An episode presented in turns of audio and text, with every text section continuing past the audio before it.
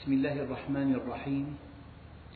الحمد لله رب العالمين والصلاة والسلام على سيدنا محمد الصادق الوعد الأمين وعلى آل بيته الطيبين الطاهرين وعلى صحابته الغر الميامين أمناء دعوته وقادة ألويته وارض عنا وعنهم يا رب العالمين.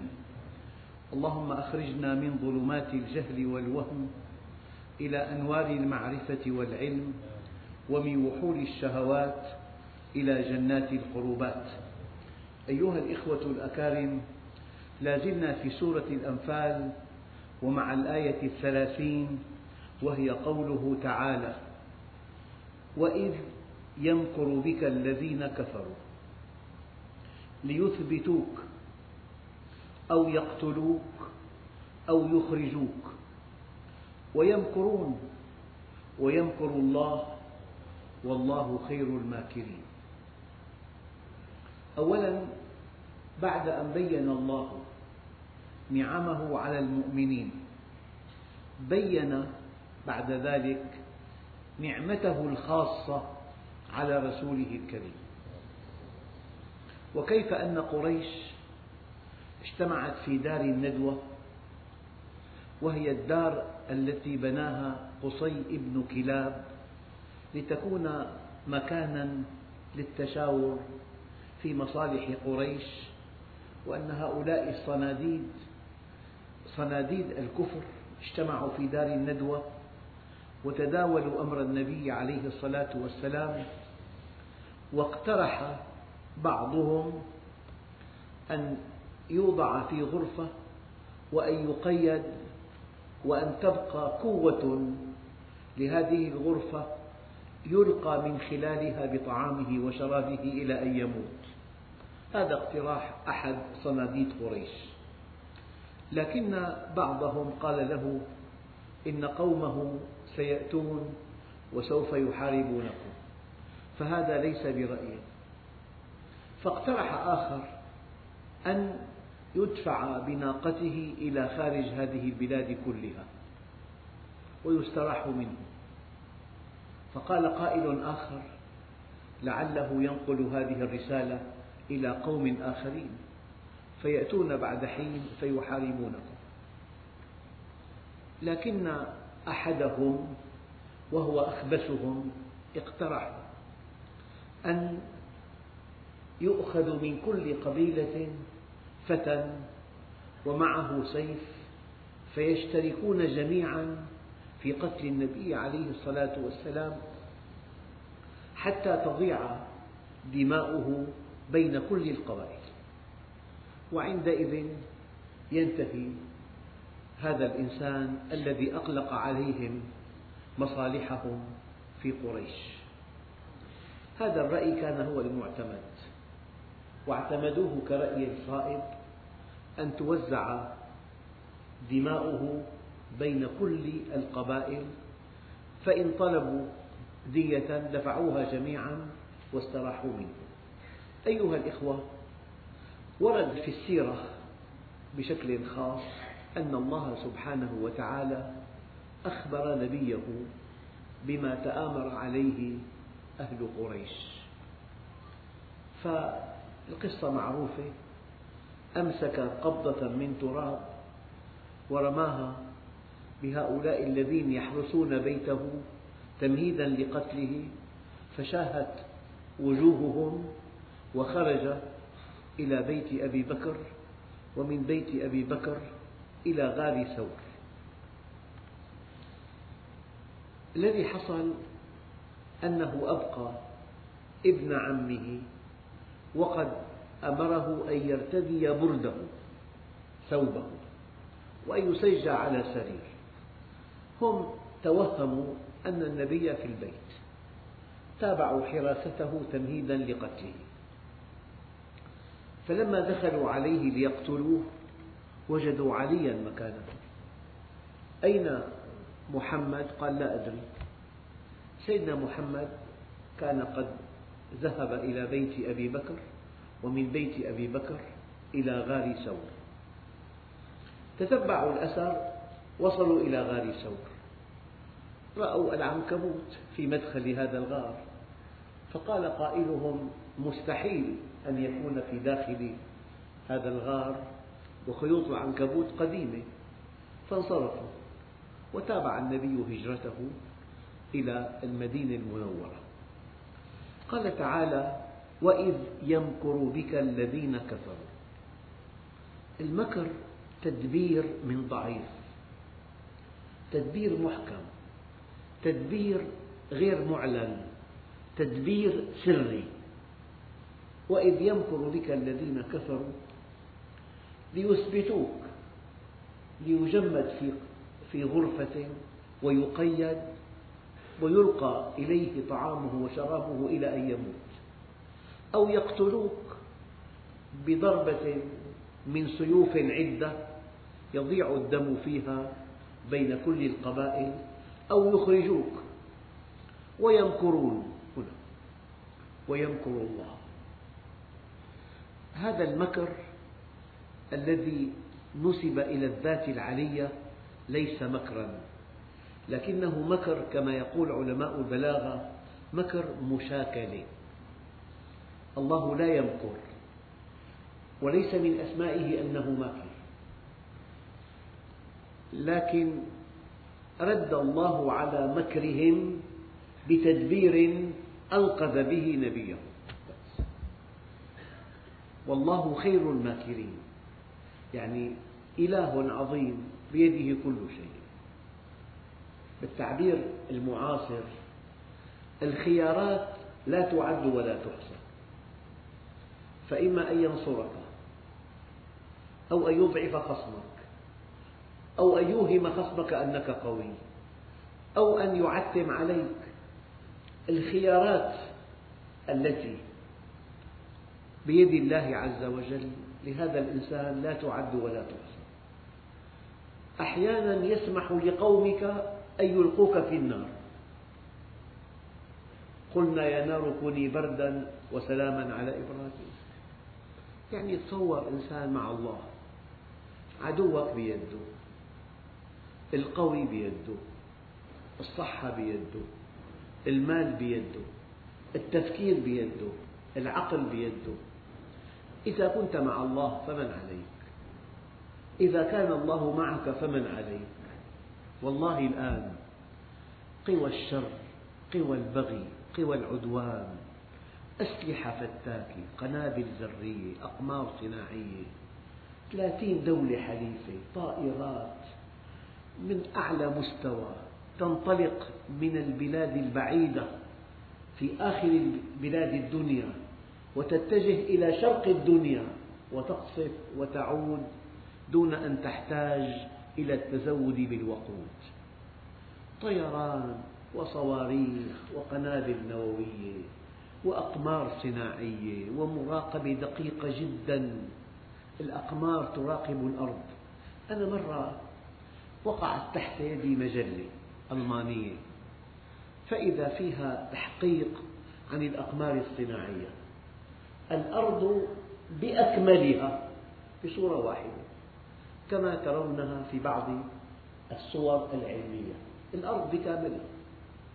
من القمر الصناعي على الأرض مربع صغير جدا كبر في الصورة الثانية. فإذا أمريكا الشمالية على هذه الخارطة مربع صغير جدا كبر في الصورة الثالثة فإذا هي فلوريدا على فلوريدا مربع صغير جدا كبر في الصورة الرابعة. فإذا هو ساحل بحر في فلوريدا. عليه مربع صغير كبر في الصورة الخامسة. فإذا حقل أخضر مضطجع عليه شخص يقرأ كتاب يمكن أن تقرأ عنوان الكتاب من القمر. وبيده ساعة وإلى جانبه صحن في تفاحات ثلاث هي من القمر. يقول لك إياه ممنوع التصوير مثلا. فالتقدم الذي أحرزه الغرب يفوق حد الخيال. كل أقمارهم وتجسسهم وأسلحتهم وقنابلهم تارة القنبلة الذكية والقنبلة العنقودية والقنبلة الانشطارية والحارقة والخارقة وقنبلة الليزر. والشيء الحديث عن الوسائل الحديثة في التدمير يفوق حد الخيال. يعني قصف قصر في العراق في غرفة النوم من إيطاليا. تصور صاروخ يخرج من إيطاليا ليصل إلى غرفة النوم بالذات.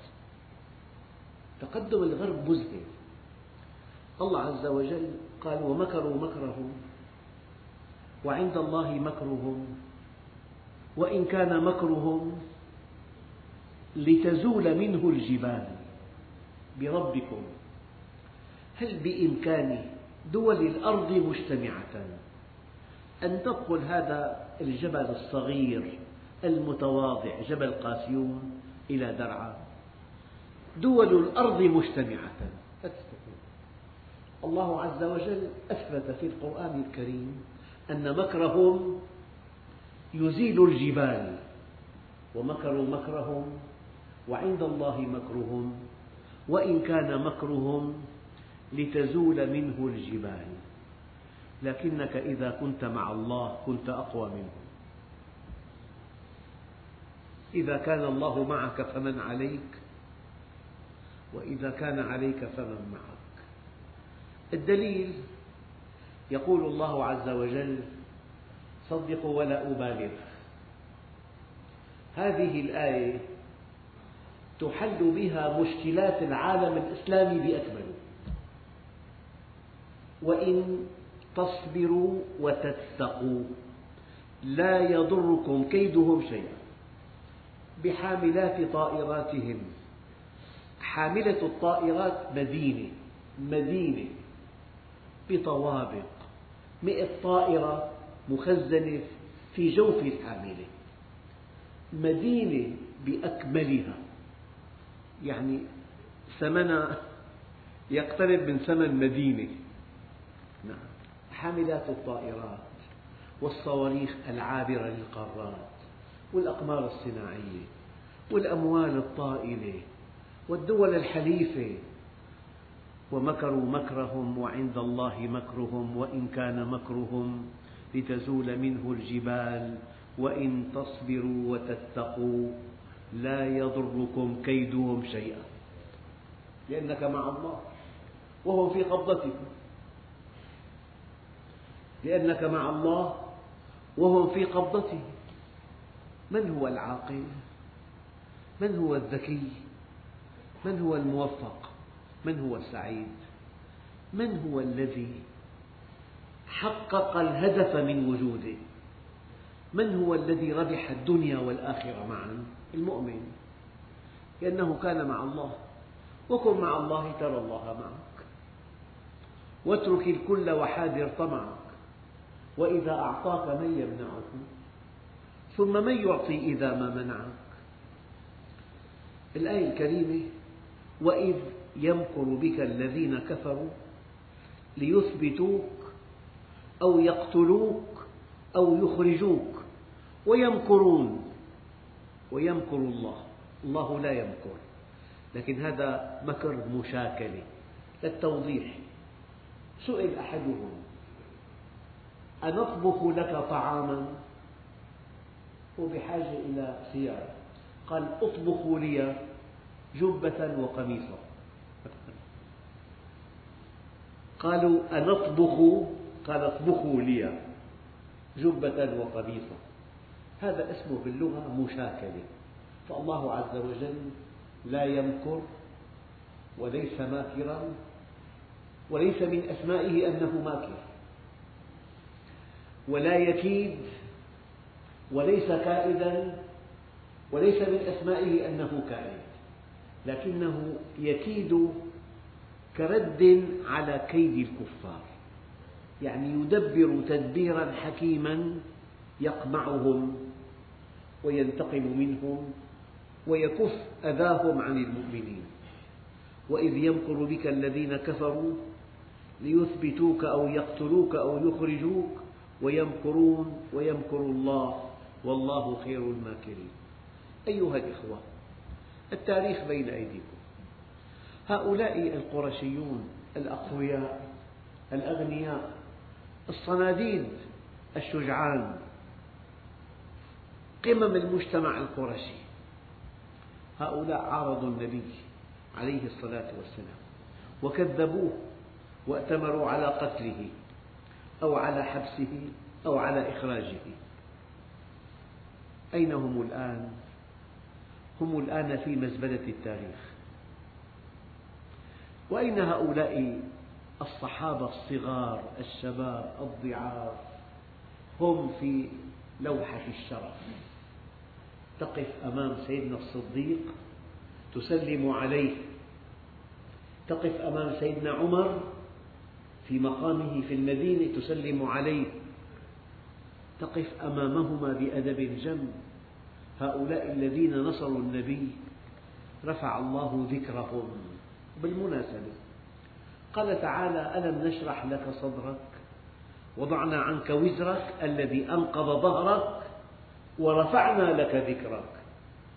وكل صفة يتصف بها النبي لكل مؤمن منها نصيب. أنا أقول لكم جميعا ما في واحد من الإخوة الكرام الحاضرين إذا أخلص لله وأقبل عليه واستقام على أمره واصطلح معه. لا بد من أن يرفع الله له ذكره ويعلي قدره. هذا أبدا قانون. يا سعد لا يغرنك أنه قد قيل خال رسول الله فالخلق كلهم عند الله سواسية. ليس بينه وبينهم قرابة إلا طاعتهم له. إن أكرمكم عند الله أتقاكم. يا أيها الناس إنا خلقناكم من ذكر وأنثى وجعلناكم شعوبا وقبائل لتعارفوا إن أكرمكم عند الله أتقاكم. هذه الحقيقة. هذا كلام مطمئن. نحن جميعا على اختلاف مللنا ونحلنا وانتماءاتنا وأعراقنا وأنسابنا ومذاهبنا وطوائفنا. أضف لهذه المصطلحات ما شئت. نحن عند الله أحد رجلين.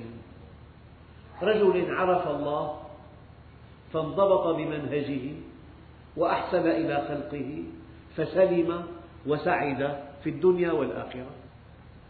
رجل آخر غفل عن الله وتفلت من منهجه وأساء إلى خلقه فشقي وهلك في الدنيا والآخرة. ولن تجد نموذج ثالث. فأما من أعطى واتقى وصدق بالحسنى صدق أنه مخلوق للجنة فاتقى أن يعصي الله بنى حياته على العطاء فسنيسره لليسرى. وأما من بخل واستغنى وكذب بالحسنى كذب بالآخرة آمن بالدنيا استغنى عن طاعة الله بنى حياته على الأخذ فسنيسره للعسرى هذان النموذجان في حياة أهل الأرض. ولن تجد نموذج ثالث. وكل التقسيمات الأرضية دول الشمال دول الجنوب العرق الملون العرق الأبيض العرق الأصفر الشعوب السامية الأنجلو سكسون دول متخلفة دول نائمة دول نامية دول متقدمة دول صناعية. كل هذه التقسيمات ما أنزل الله بها من سلطان. يا أيها الناس إنا خلقناكم من ذكر وأنثى وجعلناكم شعوبا وقبائل لتعارفوا. والله هذه الآية يجب أن يضعها الإنسان في أي مكان في بيته. إن أكرمكم عند الله أتقاكم. إن أكرمكم عند الله أتقاكم. أيها الإخوة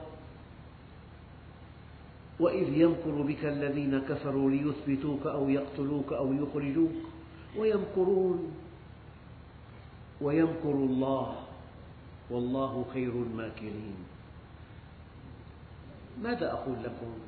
مرة ضربت مثل هذا الرسام الدنماركي الذي أراد بسذاجة وغباء بلا حدود أنه إذا شوه صورة النبي تهتز مكانته في العالم الإسلامي.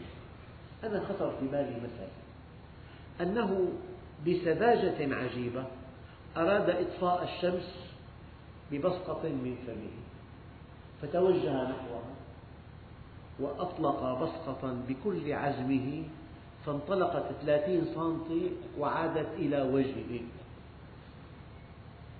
وبين وجهه والشمس 156 مليون كيلومتر. والشمس لسان لها منها يزيد عن مليون كيلومتر.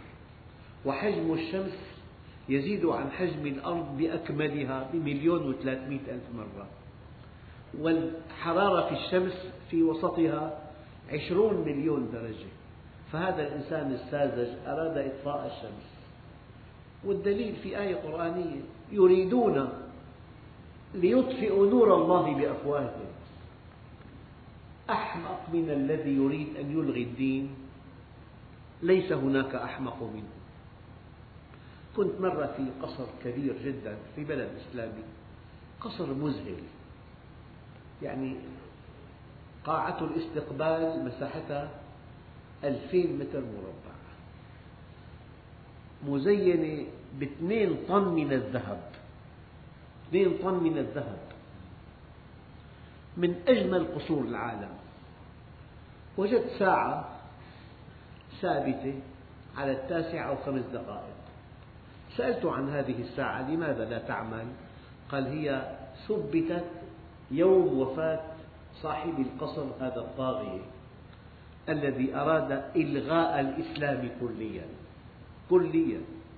منع الثياب الإسلامية منع الحرف العربي. يعني أراد أن يجعل من بلده بلد غربي إباحي. والله ذكرت كلمة ترنمت لها. قلت كم إنسان جاء إلى الأرض أراد إلغاء الإسلام يفطس والإسلام باقي. والإسلام باقي. والآن من فضل الله هذا البلد يعني يتحرك نحو الإسلام حركة رائعة. ويمكرون ويمكر الله. أحمق إنسان أغبى إنسان من وقف في خندق يعادي الحق من خلاله. هل تعلم من مع الحق؟ الله جل جلاله. الآية الكريمة فإن الله هو مولاه. وجبريل وصالح المؤمنين والملائكة بعد ذلك ظهير. من أجل فتاتين امرأتين السيدة عائشة والسيدة حفصة. إن تتوبا إلى الله فقد صغت قلوبكما وإن تظاهرا عليه فإن الله هو مولاه. وجبريل وصالح المؤمنين والملائكة بعد ذلك ظهير. معنى الآية. يعني إذا فكرت أن تقف في خندق معاد للحق هل تعلم من هو الطرف الآخر؟ أيها الإخوة وإذا تتلى عليهم آياتنا قالوا قد سمعنا. لو نشاء لقلنا مثل هذا. إن هذا إلا أساطير الأولين. إن هذا إلا أساطير الأولين. يعني تأتي لإنسان بدليل قوي بآية كونية بآية قرآنية رائعة بإشارة دقيقة جدا بدليل ناصع. إلا شيء بعرفه. دائما الطرف الآخر غير المؤمن يسخر يستهزئ. لكن حينما يكتشف بعد فوات الأوان أنه كان يستهزئ بالحقيقة العظمى في الكون. يعني فرعون هو أكثر كفار الأرض. فرعون الذي قال ما علمت لكم من إله غيري. فرعون الذي قال أنا ربكم الأعلى. فرعون وهو يغرق قال آمنت بالذي آمنت به بنو إسرائيل. متى آمن؟ بعد فوات الأوان لذلك أيها الإخوة استمعوا لهذه الحقيقة. أنت مخير ولك ملايين الخيارات في أي شيء. عرض عليك بيت رفضته صغير وغير مشمس. وسعره غالي فتاة للزواج لم يعجبك شكلها ولا من حولها فرفضت الزواج. لك أن ترفض مليون موضوع. إلا أنك إذا رفضت الإيمان تحتقر نفسك ومن يرغب عن ملة إبراهيم إلا من سفه نفسه. وخيارك مع الإيمان خيار وقت فقط. خيار وقت. لأنه لا بد من أن تؤمن بعد فوات الأوان. ولا قيمة لهذا الإيمان إطلاقا. آمنت بالذي آمنت به بنو إسرائيل. قال الآن وقد عصيت من قبل. فكل البطولة أن تؤمن قبل فوات الأوان. أن تؤمن وأنت صحيح. ذكرت لكم كثيرا أن بعض الشيوخ يأخذون إخوانهم صبيحة يوم العيد إلى المقابر ليعرفوا قيمة الحياة. أنت حي. بإمكانك أن تتوب. بإمكانك أن تنفق المال. بإمكانك أن تلتمس ممن ظلمته عذرا. بإمكانك أن تؤدي ما عليك من واجبات. نعمة الحياة لا تعدلها نعمة. فإذا جاء الأجل ختم العمل. وأغلق باب التوبة. فأنت حي في أول نعمة. وفي اليوم التالي يأخذهم إلى المستشفيات ليعرفوا قيمة الصحة. في تشمع كبد في فشل كلوي في خسرة بالدماغ في شلل في أمراض تهز الجبال. أنت معافى. الأجهزة سليمة. الحواس سليمة صحتك طيبة هذه نعمة لا تعدلها نعمة. باليوم الثالث إلى السجون ليعرفوا نعمة الحرية. أنت حر. ما لك معتقل. معتقل والحكم عشر سنوات. اليوم ما بيمضى معه. وين؟ أول أسبوع ثاني أسبوع ثالث أسبوع رابع أسبوع. بتمضى سنة بحسبها دهر وين عشر سنوات؟ فنعمة الحياة ونعمة الصحة ونعمة الحرية. هذه نعم ينبغي أن نستفيد منها في أمر الدين. لذلك قال تعالى ألهاكم التكاثر حتى زرتم المقابر. كلا سوف تعلمون. ثم كلا سوف تعلمون. كلا لو تعلمون علم اليقين لترون الجحيم. ثم لترونها عين اليقين. ثم لتسألن يومئذ عن النعيم.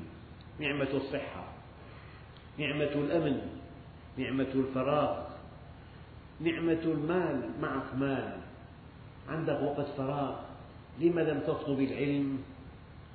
عندك نعمة الأمن لم لم تبادر إلى أعمال صالحة؟ لذلك من أدق الأحاديث الشريفة اغتنم خمسا قبل خمس. شبابك قبل هرمك وصحتك قبل سقمك وفراغك قبل شغلك وحياتك قبل موتك. وغناك قبل فقرك. اغتنم خمسا قبل خمس. وإذا تتلى عليهم آياتنا الآيات الباهرة الآيات الكونية الآيات القرآنية التكوينية وإذا تتلى عليهم آياتنا قالوا قد سمعنا. شيء معروف منك. لو نشاء لقلنا مثل هذا. إن هذا إلا أساطير الأولين. يعني القصص الخيالية الخرافية التي سطرت في كتب الأولين هذه مثلها. إن هذا إلا أساطير الأولين. بل بلغ عنادهم وتحديهم وكفرهم مبلغا عجيبا. وإذ قالوا اللهم إن كان هذا هو الحق من عندك فأمطر علينا حجارة من السماء. أو ائتنا بعذاب أليم. إن كانت بعثة النبي حقا ليعذبنا ربك بحجارة من سجيل أو بأي عذاب أليم. الإنسان متى يتحدى الخالق؟ يكون أحمق. حمق لا حدود له.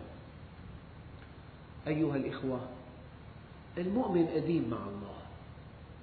أديب أدب جم. المؤمن مفتقر إلى فضل الله. المؤمن بتعيش معه ثلاثين سنة لا يتكلم كلمة واحدة. لا ترضي الله عز وجل. أدبه وسمته الحسن وتواضعه. يعني كلنا جميعا نقول هذا. الله جل جلاله. جل وعز. عز وجل. يعني هكذا المؤمن يعظم الله عز وجل. نقطة دقيقة أيها الإخوة جدا. وأما من أوتي كتابه بشماله فيقول يا ليتني لم أوت كتابيه ولم أدر ما حسابيه يا ليتها كانت القاضية ما أغنى عني ماليه هلك عني سلطانيه الآن دققوا خذوه فغلوه ثم الجحيم صلوه. ثم في سلسلة ذرعها سبعون ذراعا فاسلكوه. إنه كان أن دققوا لا يؤمن بالله العظيم. بالله إبليس آمن بالله. قال له ربي فبعزتك خلقتني أنظرني إلى يوم يبعثون. إنه كان لا يؤمن بالله العظيم. ما لم تؤمن بعظمة الله لن تستقيم على أمر الله. قال يا رب أي عبادك أحب إليك حتى أحبه بحبك؟ قال أحب عبادي إلي تقي القلب نقي اليدين لا يمشي إلى أحد بسوء أحبني وأحب من أحبني وحببني إلى خلقي. قال يا رب إنك تعلم أني أحبك.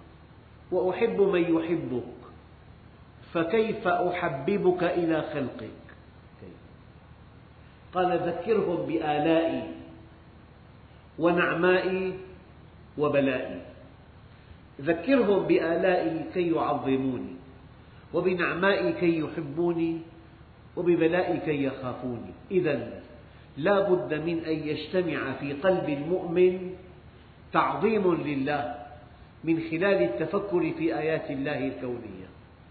ولا بد من أن يكون في قلب المؤمن